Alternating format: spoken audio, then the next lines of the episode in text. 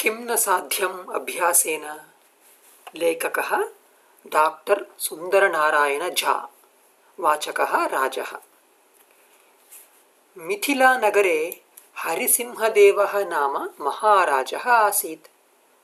स उत्तमः प्रशासकः इति प्रसिद्धः आसीत्। हरिसिंहदेवः कलानां पोषकः अपि। स कदाचित् कञ्चित् वीरताप्रदर्शनकार्यक्रमम् आयोजितवान्। तं कार्यक्रमं द्रष्टुं राज्यस्य सुदूरेभ्यः अपि स्थानेभ्यः बहवः जनाः मिथिलानगरं सम्प्राप्ताः। मिथिलायाः समीपे एव हनुमत्पुरं नाम ग्रामः आसीत्। तत्र फालः नाम ब्राह्मणः निवसति स्म। तस्य चतस्रः पुत्र्यः आसन्। फालः चतस्रभिः अपि पुत्रीभिः सह कार्यक्रमं द्रष्टुं मिथिलानगरम् आगतवान्। कार्यक्रमदिने नगरं विशेषतया अलङ्कृतम् आसीत्। राजभवनस्य प्राङ्गणे विशालं विधानं कल्पितम् आसीत् प्रदर्शनं द्रष्टुम् उत्सुकाः, सहस्राधिकाः प्रजाजनाः तत्र सम्मिलिताः। निश्चिते समये महाराजः हरिसिंहदेवः समागत्य आसने उपविष्टवान्। तस्मिन् दिने किशोरचौधरी नामकस्य मल्लस्य वीरताप्रदर्शनं निश्चितम् आसीत्। स पुरतः आगत्य महाराजं नमस्कृत्य स्थितवान्। तदा चत्वारः राजभटाः महता कष्टेन महान्तम् एकं लोहदण्डं तत्र आनीय स्थापितवन्तः। तत्पश्चात् किशोरचौधरी लीलया एव तं लोहदण्डम् उत्थाप्य स्कन्धोपरि निधाय तत्क्षेत्रं परितः चतुर्वारं धावितवान्। सर्वेपि प्रेक्षकाः तस्य तादृशं सामर्थ्यं दृष्ट्वा विस्मिताः अभवन्। महाराजः अपि तं साधुवादैः अभिनन्दितवान्। ततः तस्मै उपायनरूपेण भूरिधनमपि दत्त्वा उक्तवान्। भोः मल्ला! भवान् प्रतिवर्षम् अत्रागत्य एतादृशं साहसप्रदर्शनं करोतु इति। महाराजस्य वचनं श्रुत्वा प्रेक्षकगणे उपविष्टा अष्टवर्षीया पालस्य कनिष्ठा पुत्री उत्थाय उक्तवती।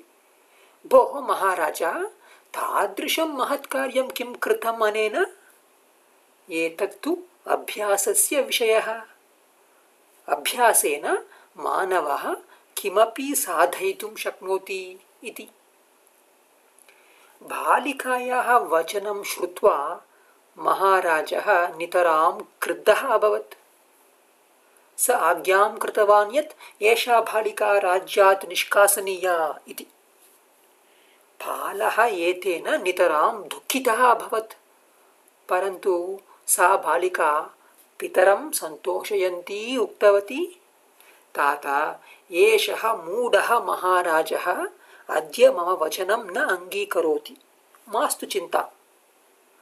अहं प्रतिज्ञां करोमि यत् एकदा स्वकीयेन अभ्यासबलेन अस्मिन्नेव क्षेत्रे महत् बलप्रदर्शनं कृत्वा महाराजम् आश्चर्यचकितं करिष्यामि इति।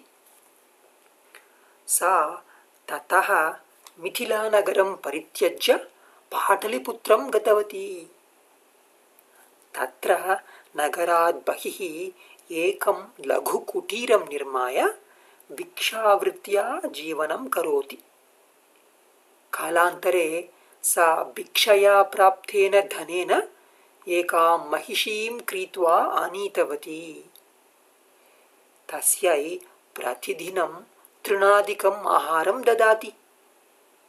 सायङ्काले दुग्धदोहनं कृत्वा नगरे विक्रयणं करोति। तेनैव जीवनयापनं च करोति। गच्छता कालेन सा महिषी पुत्रम् एकम् अजनयत्। ततः आरभ्य सा बालिका प्रतिदिनमपि तं बालमहिषं स्कन्धे निधाय धावनस्य अभ्यासं करोति। वर्षत्रयानन्तरं स विशालकायः महिषः अभवत्। इदानीमपि बालिका विनायासं तं स्कन्धे निधाय धावति। पुनः कदाचित् सा महिषम् आधाय मिथिलानगरम् आगतवती। तस्मिन् अवसरे एव तत्र प्रतिवर्षम् इव वीरताप्रदर्शनम् आयोजितम् आसीत्। बालिका कथमपि तत्र स्वीयबलप्रदर्शनाय अनुमतिं प्राप्तवती। उपस्थिते जनसमूहे, उपस्थिते च राजपरिवारे बालिका अग्रे आगत्य झटिति तं महामहिषम् उत्थाप्य स्कन्धे निधाय तत् क्षेत्रं परितः पञ्चवारं धावितवती। तथापि तस्याः मुखे श्रान्तेः चिह्नमपि न दृष्टम्। एतद्दृष्ट्वा नितरां विस्मितः महाराजः हरिसिंहदेवः आसनात् आसनात् उत्थाय उक्तवान्। अहो, अत्याश्चर्यम् इदं प्रदर्शनम्? अद्यावधि मया ईदृशं प्रदर्शनं कदापि नैव दृष्टम्?